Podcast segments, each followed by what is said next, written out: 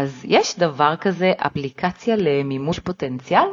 ברור שיש, סוף סוף יש אפליקציה ולא רק מורה שאומרת, אז כשאנחנו אומרים אפליקציה למימוש הפוטנציאל, טכנולוגיות שמאפשרות לקרוא, שמאפשרות לכתוב, שמאפשרות לעשות חישובים, משהו שקודם לא היה, והיום אנחנו יכולים להשתמש בהם. יואו, זה נשמע חלום, בואי מיד נתחיל. מזמינה אתכם למסע לפיצוח הפרעת הקשב שלכם, בכדי שתוכלו סוף סוף להבין ולקבל כלים להגשמת הפוטנציאל הזה שתמיד מדברים עליו. אני דוקטור שירלי הרשקו, מומחית בהפרעת קשב. אני מרצה וחוקרת באוניברסיטה העברית, מאבחנת ומטפלת, מדריכת הורים ומנחת סדנאות ארגון זמן, סופרת ובעלת טור בעיתון הארץ, מנהלת קהילת אנשי הקשב בפייסבוק וגם מגדלת משפחת קשב. הדבר שהכי חשוב לי הוא להעלות את המודעות להפרעת קשב, ולכן יצרתי את הפודקאסט הזה. ולכל המאזינים אני גם מעניקה 10% על הקורסים שלי. יש פרטים בתיאור הפודקאסט ובאתר שלי. ועכשיו, בואו נצלול לפרק. ברוכים הבאים לפודקאסט של אנשי הקשב, בו נותנים מקום של כבוד לעולם של הפרעת קשב, ואת כל המידע המדויק והכלים שיכולים לעזור. אני מגיעה לפרק הזה ממקום קצת אחר מהשם שלו, מהמקום של ההתאמות.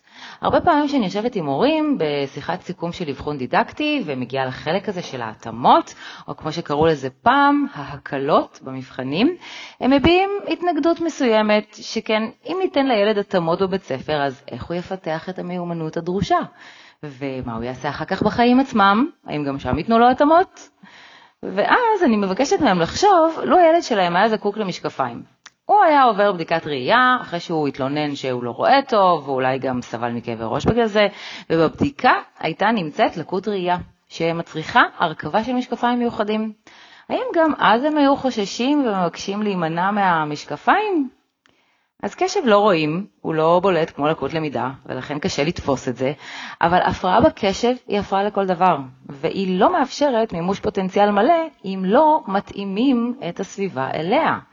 כנ"ל לגבי לקויות למידה, כמו דיסלקציה, שזו לקות בקריאה, דיסגרפיה בכתיבה או דיסקלקוליה בחשבון.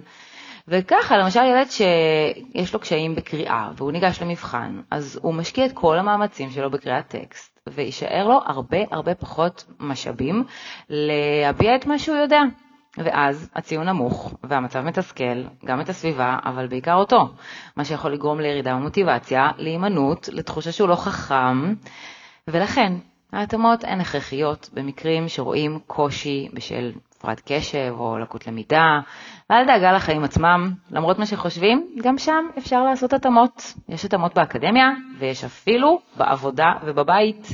כן, למשל בעבודה אפשר לבקש לעבוד בסביבה עם פחות מסיכים, כמו בבית או במשרד או בבית קפה עם אוזניות, ובבית אפשר להביא עוזרת שתסדר ותנקה כי יש קושי בסדר וארגון בהפרעת קשב, ואפילו בזוגיות אפשר לחלק את המשימות בין בני הזוג ככה שכל אחד עושה את מה שהוא חזק בו.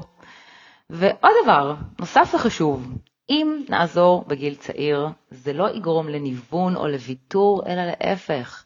זה בדיוק מה שיעלה את הביטחון והערך העצמי, משום שאלו מתפתחים בהתאם להצלחות שהילד צובר. וילד שרק נתקל בקשיים וכישלונות, אז הוא לא יפתח ביטחון עצמי. וילד שצובר הצלחות, הוא ירגיש שהוא טוב, הוא ירגיש שהוא יכול, וזה מה שיעלה את הערך העצמי שלו, וזה מה שייתן לו מוטיבציה להמשיך. אז אל תחששו מעצמות בכל גיל. בכלל, הגישה שלי היא שלא תמיד אנחנו צריכים לשאוף לשנות את עצמנו, לפעמים אפשר לשנות את הסביבה, וזה אפילו יותר קל. ובהקשר הזה, קיים תחום מרתק של טכנולוגיות ואפליקציות שיכול לעזור. גם הן יכולות לספק את ההתאמות הללו שילדי ואנשי הקשב צריכים, ולכן אני מאוד מתרגשת להציג לכם את בטי שרייבר, שהיא ראש החוג לתוכנית לתואר שני בטכנולוגיה בחינוך בסמינר הקיבוצים. והיא גם מומחית וחוקרת בתחום ההתאמות של יישומים טכנולוגיים ללומדים עם הפרעות בקשב ובלמידה. אז שלום בטי וברוכה הבאה לפודקאסט. בוקר טוב שירלי, תודה שהזמנת אותי. בוודאי, נושא כל כך חשוב שלא מספיק מודעים אליו ויכול לשנות חיים, איך לא? לגמרי. אז תגידי, אבל איך את הגעת דווקא לנושא הזה? למה, למה הוא משך אותך? בשנת 98 אה, ישבנו בשיחת סלון עם חברים, הוא היה בהייטק, הבן שלי בכיתה A, ולא מוצא את עצמו, לא מצליח, ואני יודעת שהוא חכם, אני יודעת שהוא חכם, אבל אין לי הוכחות לזה. ואז הוא זרק משהו, החבר שלנו, אולי בטוח יש איזה טכנולוגיות, בטוח יש משהו שיכול לעזור לו. עכשיו, אנחנו בשנת 98, זה עוד לא כזה. אני אומרת, וואלה, לא חשבתי על זה, אולי. ואז באותה שנה הגיע המומחה בזמנו לנושא של טכנולוגיות סיוע לארץ, לכנס, זה היה בבית ברל, אה, דוקטור אסקינג, ודיבר על טכנולוגיות סיוע לאנשים לקויות למידה והפרעות קשב. וזהו, והחלטתי שזה יהיה הנושא שלי, שמאותו רגע התחלתי לחקור, זה התחיל בתזה, בעבודת התזה שלי, והמשיך לדוקטורט, וכמובן אני מרצה בזה, חוקרת, ויש לנו בתוך סמינר קיבוצים, בתוכנית לתואר שני בטכנולוגיה בחינוך, יש לנו נתיב שמיועד למורים ולמטפלים בחינוך המיוחד, שלומדים את הטכנולוגיות האלה במשך שנתיים, איך באמת לעבוד איתם, בכיתה, בארגונים, בכל מוסד שאפשר, אה, באמת לעבוד עם לומדים. כל אחד הוא לומד, לא משנה באיזה גיל. בואנה, זה סיפור מדהים, אני לא הכרתי אותו, ואני יכולה לשתף שגם אני מגיעה ממקום מאוד אישי לנושא הזה. יש לי בת שהיא מאוד מאוד דיסלקטית ודיסגרפית ועם הפרעת קשב כל הקשת היא קיבלה, ולמרות שאני קוראת איתה ממש מההתחלה יום-יום, הקריאה שלה עדיין מאוד מאוד בסיסית, היא מאוד מאוד מתקשה, היא כבר בכיתה ה' וזה ברור לי שהיא אף פעם לא תקרא בצורה שוטפת, וזה למרות שהיא מחוננת שפתית ונורא נורא אוהבת את התחום, אז יש פה פערים, היא נורא רוצה לצבור ידע, אבל היא לא יכולה לקרוא. ולכן אני באמת אומרת שהטכנולוגיות האלה ממש יכולות לשנות חיים וממש יכולות לגשר על הפער הזה, ותכף אנחנו נשמע גם איזה בדיוק, אבל רגע לפני שהתחלנו לדבר וחשבנו על השם לפרק, את אמרת שאת לא אוהבת את השם טכנולוגיות מסייעות, נכון. ואני רוצה שתסבירי למה. טכנולוגיות מסייעות זה שם שהיה פעם, Assistive Technology, זה נקרא בלעז, ובאמת יש על זה הרבה מאמרים, עד היום אפשר למצוא את זה ולקרוא על זה. אבל אני מדברת על טכנולוגיות שהיום הן לא רק מסייעות, הן פותחות, הן פותחות עולם לכל מיני אנשים. אם זה באמת, תכף נדבר לדוגמה אפילו עבור הבת שלך, או אנשים עם דיסלקציה, דיסגרפיה, הפרעת קשב, וגם טכנולוגיות כמו רובוטים שאנחנו התחלנו לעבוד איתם בתוכנית שלנו, טכנולוגיות של מציאות מדומה, זאת אומרת, זה דברים שהם לא רק מסייעים, הם פשוט מתחילים לפתוח עולמות שקודם לא היו חסומים בפנינו. Mm-hmm. אז אנחנו לא מדברים רק על סיוע, אלא גם על פיתוח, פיתוח יכולת, פיתוח ידע. וואו, זה ממש אה, מה שנקרא תחום של נגישות, בעצם זה מנגיש לך את העולם באמת, ולא רק מסייע, שזה קצת מקטין מהתחום. כן, הוא גם מנגיש והוא גם פותח עולמות וגם מפתח דברים חדשים שבלי הטכנולוגיה לא יכולנו לפתח. לדוגמה, אם אני מדברת על רובוטים, אפילו בגיל הגן, ילדים עם הפרעת קשב בעיקר, שאוהבים אקשן, יש להם אפשרות לתכנת את הרובוט. Mm. יש היום שפת תכנות מאוד קלה, שהיא מיועדת מילדי הגן והלאה. Wow.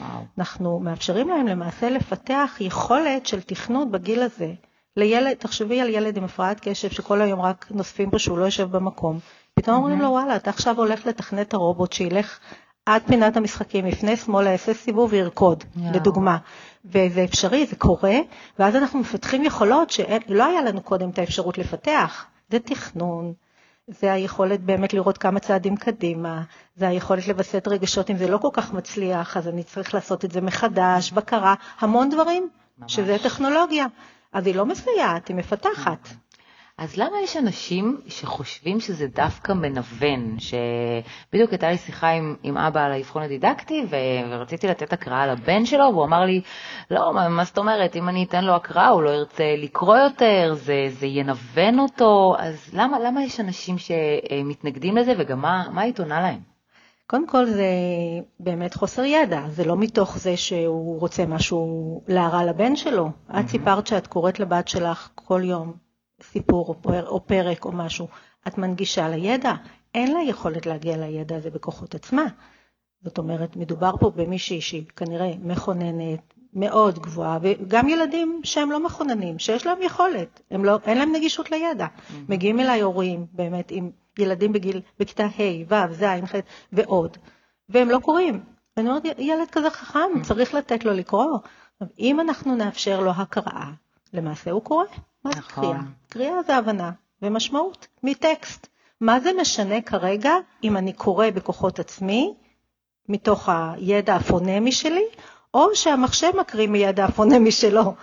כרגע אני קוראת, זה מה שאני צריכה לעשות, וילדים שנמנעים, ואותו אב, אני מניחה שהבן שלו נמנע מקריאה. והנה אני אומרת לו, בוא תתחיל, ת, תיתן לו לקרוא. הוא לא יימנע מקריאה, להפך, הוא יתחיל לחקור, והוא ייכנס, והוא יקרא, והוא ייקח מאמרים. זאת אומרת, הסקרנות שלו פתאום תוכל לבוא לידי ביטוי. עד עכשיו שיתקנו אותו, זה כמו לסתום את הפה. מהמם. זה אותו דבר. וואו, חזק. ממש, ממש פותח עולם שלם שלם לגמרי. אבל איך אפשר לדעת איזה טכנולוגיה מתאימה לאיזה לומד? יש כל כך הרבה דברים, אתה לא יודע בדיוק מה להתאים, זה כזה עולם מאוד מבלבל. נכון. זה משהו באמת, זה ידע שצריך ללמוד. אה, זאת הסיבה שבתואר השני אנחנו נותנים על זה דגש. אבל מעבר לזה, יש כמה כללים שאני אה, אומרת שצריך לשים לב. דבר ראשון, להתחיל מהיכולת. אף פעם לא להתחיל מהקושי, ואני אתן תכף דוגמה. לבדוק מה היכולות של הילד או של הילדה או של הלומד, הבוגר, המבוגר, לא משנה, ולהתחיל משם. הדבר השני שאני צריכה לשים לב, האם אני רוצה לתת לו יותר אימון או יותר עקיפת קושי, כי זה יכול להיות גם וגם, זה לא אחד במקום השני. השאלה מתי אני נותנת את זה, מתי אני מאפשרת את זה. והדבר השלישי, להתאים את הטכנולוגיה לאינטליגנציה של הילד. אני רואה לפעמים ילדים שלא קוראים, בכיתה ה', ד', ג' אפילו, נותנים להם את דנה קמה גמא דמה, זאת אומרת, כאילו, כאילו, הטקסטים של הילדים בכיתה א', וזה עלבון לאינטליגנציה שלהם, זה ילדים חכמים. נכון. אז אנחנו צריכים לדעת גם להתאים את הטכנולוגיה ליכולת הקוגניטיבית. אלה שלושה דברים שצריך לשים לב אליהם. לדוגמה, להתחיל מיכולת. את דיברת, על- אמרת לבת שלך שהיא לא קוראת, אבל היכולת השפת, המשלב השפתי שלה מאוד מאוד גבוה. מהמם. זאת אומרת שהיא יכולה להביע את עצמה בקלות, מהמם. אבל היא לא יכולה לכתוב את זה. אין לה את היכולת לכתוב את מה שהיא יודעת. עכשיו, יש לה בתוך המוח ידע עצום שבלום, נכון. פשוט נבלם. דרך אגב, יכול להיות שבגלל דיסלקציה, אני לא יודעת, אבל יכול להיות שהיא גם לא יכולה להקליד, כי אם היא תקליד, יהיו לה שגיאות כתיב כאלה שהמחשב גם לא יזהה, נכון. אז זה לא יעזור לה גם להקליד. ולכן אנחנו צריכים לאפשר ליכולת שלה, ולא, זאת אומרת, אנחנו מסתכלים על היכולת של הבעה שפתית גבוהה, אומרים, תנו לה לדבר את הידע שלה, והמחשב יכתוב. היא תדבר, המחשב יכתוב, והנה היא הביעה את הידע שלה, זאת אומרת, אז התחלנו מהיכולת שלה, ולא מהקושי. ברור שאנחנו מסתכלים על הקושי שהוא הכתיבה במקרה הזה, או הבעת הידע שלה, אבל הסתכלנו קודם כל על היכולת שלה. אם יש ילד לקות שפתית והוא מדבר לא ברור, אנחנו לא ניתן לו הקלדה קולית, כי זה לא יעזור. אנחנו צריכים לראות מה היכולת שלו ומשם ללכת. וואו, זה ממש הסתכלות יפה, ל- לראות קודם את היכולת והחוזקות. אני גם תמיד אומרת את זה בהפרעת קשב, שיש שם כל כך הרבה חוזקות ויכולות, ולפעמים מרוב קשיים שוכחים או לחזק אותם או להתייחס אליהם, אז באמת צריך להתחיל משם, וגם להגיד את זה לילד כמובן. טוב, אז עכשיו ממש סקרנת אותי, ספרי לנו ככה על ההתחלה על כמה טכנולוגיות שיכולות לעזור בקריאה, בכתיבה, יש גם אפילו בחשבון. אז אני רוצה להתחיל דווקא עם מה שאמרת רגע, לפני רגע, על הפרעת הקשב. אז קודם כל בואו נסתכל על ההשראה. לפני שאני מסתכלת במה קשה, אני מסתכלת במה טוב. ואני חושבת שהמציל חיים בטכנולוגיות זה גם היכולת לחזק את מה שיש, לפני שהולכים למה שקשה. ואם אנחנו מסתכלים על ילד, אז קודם כל, המטרה שלנו, המשימה שלנו, החובה שלנו, זה לראות במה היא או הוא טובים, יודעים, מתעניינים, ולתת להם את הטכנולוגיה לשם. לדוגמה, מגיעים להם ילדים עם כישרונות אומנותיים מדהימים, עם יכולת ראייה מרחבית מכוננת, מהמם. שאף אחד לא יודע את זה. איך מורה בכיתה ג', ד' או ה' יודעת שלילד יש יכולות בראייה מרחבית? היא לא יכולה לדעת דבר כזה, אבל באבחון זה כתוב, רואים את זה. מהמם. ואז אנחנו יכולים לתת להם לתכנת, או לעבוד עם מדפסת תלת מימד ליצור דגמים. אני כל הזמן מדברת על הטכנולוגיות של היכולת. מהמם. תנו להם לעבוד עם היכולת. ממש. ו- וזה כבר נותן כיוון. דבר שני, לגבי איך, איזה התאמות קיימות, אז אני גם רוצה לומר שההתאמות שיש של קריאה, כתיבה, ו- ותכף אני אדבר עליהן, זה אומר שהיום כל אחד יכול, גם מי שקשה לו, יכול לקרוא ולכתוב. הטכנולוגיה מאפשרת את זה. מדהים. אבל לא כל אחד יכול לבנות דגמים. Hmm. ולכן אני אומרת, אם, אם לילד קשה בקריאה, בכתיבה, תנו לו את הטכנולוגיה שמיד אני אומר, אבל ת, ת, ת, בסדר, שישרוד איתה אם, ויקרא ויכתוב איתה, אבל את הדגש שימו על מה שהוא יכול, על המוסיקה, על, ה, על כל האפשרויות, על ההנהגה בצופים, על כל האפשרויות ש, של, והברכות שהוא קיבל, קחו אותם. אני ממש רוצה להוסיף על זה שהורים באמת הרבה פעמים ככה מתמקדים בבית ספר, ב-12 שנים של הבית ספר, ומה הוא יעשה ואיך הוא יסיים בגרויות, אבל זה כולה 12 שנים מהחיים. הילד יחיה 80, 90, 100 שנה, והוא יכול לעשות דברים מדהימים בלי החוברות האלו שבבית ספר והבגרות במתמטיקה. בסופו של דבר, אפילו רק לגבי המתמטיקה, מי עוסק במתמטיקה בחיי היום-יום? תחשבו על עצמכם, אתם עוסקים במתמטיקה בחיי היום-יום, זה משהו כמו אחוז שניים מהאוכלוסייה מתעסק בזה ביום-יום שלו, זה לא החיים, זאת אומרת, הבית ספר זה תקופה, ובהחלט כדאי לעשות שם התאמות כדי שהוא יוכל יותר להביע את עצמו ולצבור הצלחות, אבל את החוזקות, את מה שאחר כך הוא יעשה בגיל 20 פלוס בחיים, בין אם הוא יהיה אמן או, או ספורטאי או מה שזה לא יהיה הכישורים שלו, חייבים גם כן לחזק, כמו שאת אומרת, ממש. נכון. המציאות מראה שבית ספר באמת לא תמיד מעצים את היכולות, והמטרה שלי בחיים, השליחות שלי, בגלל, mm. בגלל זה אני עובדת במכללה להוראה, mm-hmm. זה באמת לפתוח ללומדים שלנו את כל מרחב האפשרויות. אתמול למשל הסתובבתי, הם ניגדו שם על גיטרה שהם יצרו לבד תוך שעה, yeah. באמצעות איזו טכנולוגיה די פשוטה. זאת אומרת, תארו לכם עולם כזה של ילדים בבית ספר, וואו. שהם יוצרים, שהם יוצרים גם פרויקטים, גם מביאים את היכולות שלהם. תוך כדי הם צריכים לקרוא, הם צריכים לכתוב, הם צריכים להוציא ידע, הם צריכים המון דברים, אבל בית ספר צריך להשתנות, בואו נתחיל מזה. נכון. דבר שני, התאמות, דיברת בהתחלה על התאמות, הקלות, עד היום אני שומעת את המילה הקלות אה. והאוזניים שלי כואבות, שאומרים הקלות.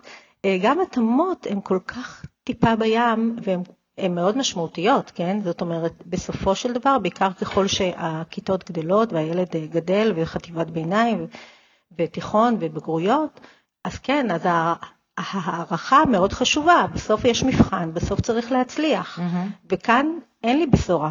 זאת אומרת, לצערי אנחנו תלויים פה במשרד החינוך ובהתאמות שמשרד החינוך נותן, שרק הולכות ופוחתות מדי אה, שנה, משום מה עושים המון, מערימים המון קשיים לקבל את ההתאמות האלה. כן, גם אותי זה מתסכל. כן, ואנחנו צריכים להבין שיש דברים שהם לא בידינו, זאת אומרת, mm-hmm.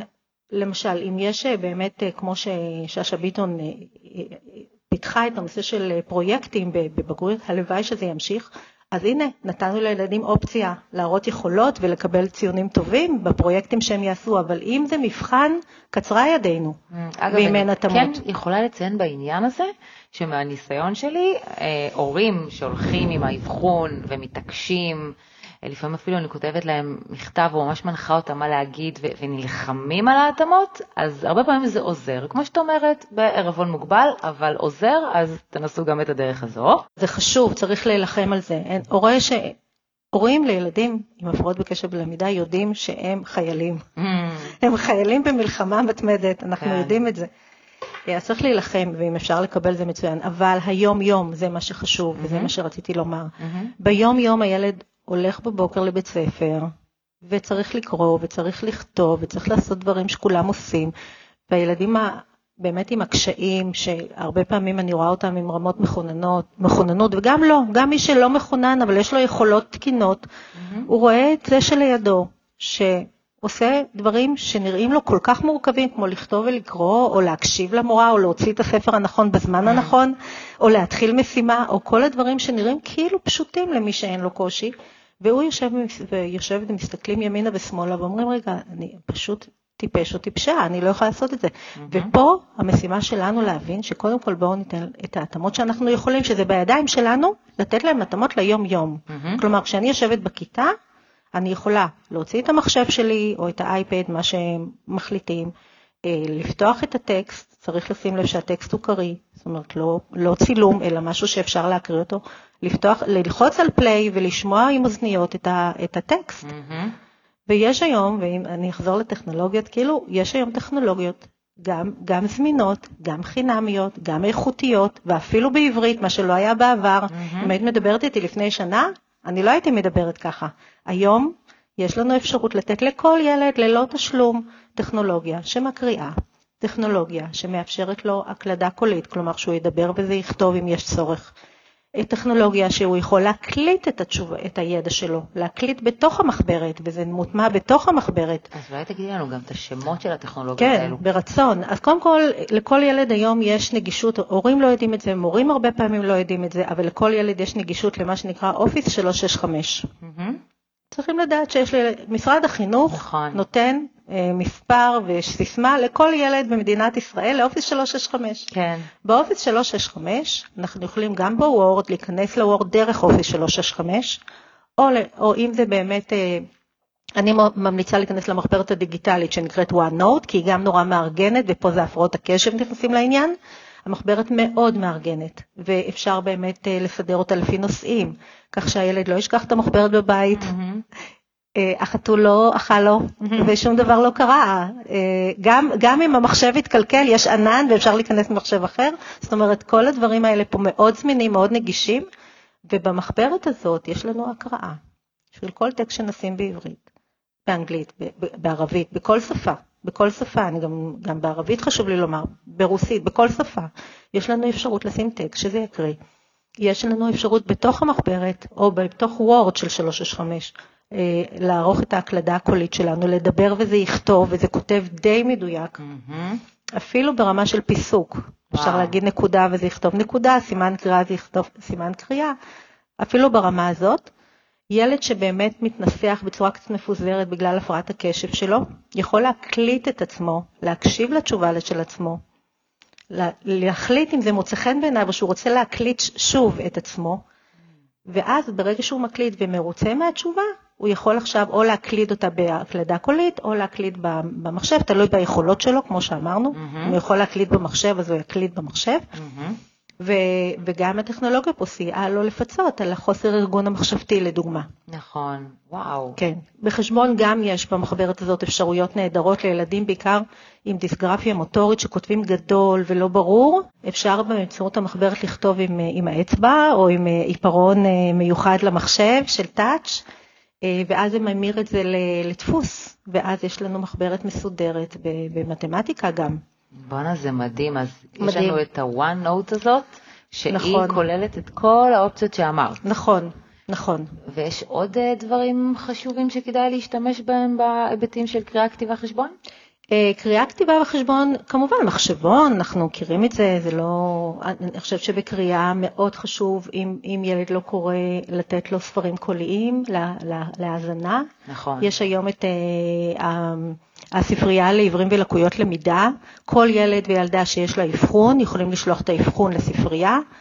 תוך שבוע הם מקבלים שם משתמש וסיסמה, נכנסים שם ויש שם נגישות נפלאה לספרים קוליים, ספרי קריאה, גם שנותנים בבית ספר לקרוא. ילד יכול להאזין לספר, הוא, לא. הוא, כבר לא, הוא כבר לא מוגבל ביכולת שלו להיות נגיש למידע שהוא רוצה, שהוא או היא בוחרים. כן, זה, זה באמת מדהים, זה זה, עולם. גם כל כך נגיש וקל. כן, אני, אני באמת מרגישה שזה מציל חיים. אני ממש יכולה להבין. ויש גם עוד נגיד דברים שעוזרים בתחום של הפרעת קשב, כל הנושא של הארגון והתכנון ותפקודים ניהוליים. ים, ים של דברים. יש. אם אנחנו מסתכלים על היותר בוגרים, כלומר חטיבה תיכון והלאה, עולם התעסוקה, סטודנטים, כל הדברים האלה, אז אני מאוד אוהבת להשתמש במפות חשיבה מהמם. דיגיטליות. זאת אומרת שזו מפת חשיבה שמאפשרת, כשאנחנו רוצים להתחיל לכתוב משהו, או לחשוב על פרויקט, או... ואם יש לנו הפרעת קשב, אז אני תמיד מדמיינת את זה כמו קרוסלה שיש לנו בראש שמסתובבת, ואני רוצה לתפוס את המילה הראשונה כדי לכתוב, והיא תמיד בורחת לי, כי אני לא יודעת במה להתחיל. אז המפת חשיבה למעשה מאפשרת לי קודם כל לזרוק את כל האסוציאציות ואת כל הרעיונות ואת כל הדברים שיש לי בראש לתוך המפת חשיבה, ואחר כך מסתכלים, מתחילים, יש אפשרות בצורה מאוד קלה לגרור ולארגן אותה לפי קטגוריות. ואחר כך אפשר להכניס לשם את החומרים, אפשר להכניס לשם PDFים, אה, קישורים לאתרים, הכל. זאת אומרת, זו מפת חשיבה, אפשר לראות את זה, אה, זה נקרא X, אני משתמשת ב XMind, יש המון סוגים. מהמם. אני משתמשת במפה שנקראת XMind, גם אפשר לראות את זה אה, באתר שלי, ויש שם הדרכה, וממש, באמת, זה עולם שלם של איתחול אני ממש. קוראת לזה איתחול משימות, שזה executive function, אחד מה-executive function הכי הכי קריטיים. כן, כן. שאנחנו לא מתחילים כשאנחנו רוצים להתחיל, לא כי אנחנו לא רוצים, אנחנו מהמם. רוצים ולא מצליחים להתחיל. כן, זה ממש עושה סדר. אז המפת חשיבה הזאת נפלאה. אה, למשימות, למשימות, אז אה, תמיד יש לנו בראש מלא דברים, מלא מלא מלא דברים שזה, והם בורחים לנו, ואז אני אומרת, אוי, רציתי, אבל ידעתי, ואני רוצה להגיד, ואני ניגשת לפגישה, ואני לא כל כך מאורגנת מה, מה אני הולכת להגיד לפגישה, למרות שלפני זה חשבתי על דברים, אבל לא כתבתי אותם. מהמם. אז יש לנו באמת כל מיני אפליקציות לכתיבת משימות. אני משתמשת בגוגל קיפ, זה מהמם. נקרא. כן, גם אחלה, אני. אחלה אפליקציה שהיא גם שיתופית, אפשר לשתף איתה עוד אנשים. כל פעם שיש לי רעיון, אני שנייה מוציאה את הטלפון, כותבת את הרעיון, מכניסה לכיס. מהמם. אומרים לי, זה סרט טוב, איזה... Mhm. זה... מוציאה, כותבת, מכניסה לכיס. מושלם. אני קוראת, לזה- אני קוראת לזה לוכד הרעיונות. וואו, איזה יופי. כן, לאפליקציית קיפ. אה, אבל יש עוד מס- אפליקציות, יש את נושן, יש אפליקציות נהדרות למשימות, אז אני מאוד ממליצה להשתמש בהן, הן גם, בגלל שזה ענן, הן נמצאות בכל מקום, בכיס שלנו, במחשב שלנו, בכל ענן שנפתח מכל מקום. אה, אז אני חושבת שזה מאוד טוב לאנשים שהמחשבות שלהם מפוזרות, אבל מצד שני יש להם מיליון רעיונות שצצות בכל שנייה. מהמם, כן. אז אה, פשוט אם יש רעיון טוב, שנייה, להוציא או לכתוב או להקליט אותו. זאת אומרת, יש גם אפשרות להקליט את, נכון. ה, את הרעיון. יצאתי מפגישה, אין לי כוח לכתוב עכשיו סיכום, אני אקליט רגע את כל התובנות שהיו לי, ואני אשים את זה בחזרה בכיס. זה מדהים. משהו שמאפשר לי לתפקד. אה, באמת הדברים שאת אומרת, אני רואה, ש... אני רואה את זה בקורס שלי, שהרבה אנשי עסקים ועצמאים גם משתמשים בזה. יש אה, עוד דברים שהם יותר ספציפיים לאנשי עסקים, או לחברות, או לארגונים, Notion נגיד, הרבה פעמים משתמשים בה, אבל נכון. יש, יש עוד דברים. יש את מאנדיי, שזו אפליקציה שמאוד מארגנת ומאפשרת לכולם לעבוד אה, בו זמנית על אותו ענן. אני אזכיר פה את בעלי שמשתמש בזה, ואומר, אנחנו כבר לא אה, יושבים כל מיני עם מסך אחד, אלא כל אחד עם המחשב שלו, וכל פעם שמישהו אומר משהו, הוא מכניס את זה ישר לתוך ה... לתוך האפליקציה וכולנו רואים את זה. מהמם. אז זאת אומרת שיש פה איזה משהו שמארגן גם צוותי. מעולה, מעולה, מעולה. בקורס ארגון זמן שלי, אני שמתי לב שאחד הדברים שאנשים הכי מחפשים או הכי אוהבים, השיעור שהם הכי אוהבים, זה על נושא אפליקציות. תמיד מחפשים איזה אפליקציית קסם שתארגן לנו את הזמן, כי הרי זה משהו שהוא כל כך לקוי בהפרעת קשב, הארגון זמן והתכנון ו... אה, את אומרת לגבי זה? אפליקציות מומלצות אה, לארגון זמן? כן, אז זה תלוי בגיל. אני, אני אתחיל מהקטנים ואני אעבור לגדולים. אז מהקטנים יש לנו מה שנקרא יומן חזותי, שזה יומן עם תמונות. אנחנו יכולים להכניס את התמונות של סדר היום, או שבכיתה, אם זה מערכת, ממש להכניס ככה תמונות שזה יהיה מאוד ידידותי, אם ילד קשה לו לקרוא, או שלא אוהב לראות את זה מילולית, אלא בתמונות, ואז כל פעם שהוא מסיים את המשימה, זה גם יכול לבוא אפילו עם זמן. למשל בבוקר התארגנות, אה, כמה זמן לוקח לך להתארגן, שזה כמה זמן זאת שאלה קריטית לאנשים עם הפרעות קשב, כן. הם לא יודעים כמה זמן ייקח נכון. להם לעשות משהו, שאומדן זמן זה קשור לדופמין, זה קשור לכל מה שקשור לקשב שלנו, ואז אם אנחנו יחד עם הילד או הילדה יושבים ואומרים, בוא נראה כמה זמן לוקח לך ללבוש את הבגד, ושמים לנו עשר דקות לבחור בגדים ולהתלבש, אחר כך אנחנו הולכים לצחצח שיניים. כל פעם שמסתיימת המשימה, הם עושים וי, או שזה מצלצל להם, יהיה הזמן לסיים, זה מאוד מכניס אותם נכון. לשם.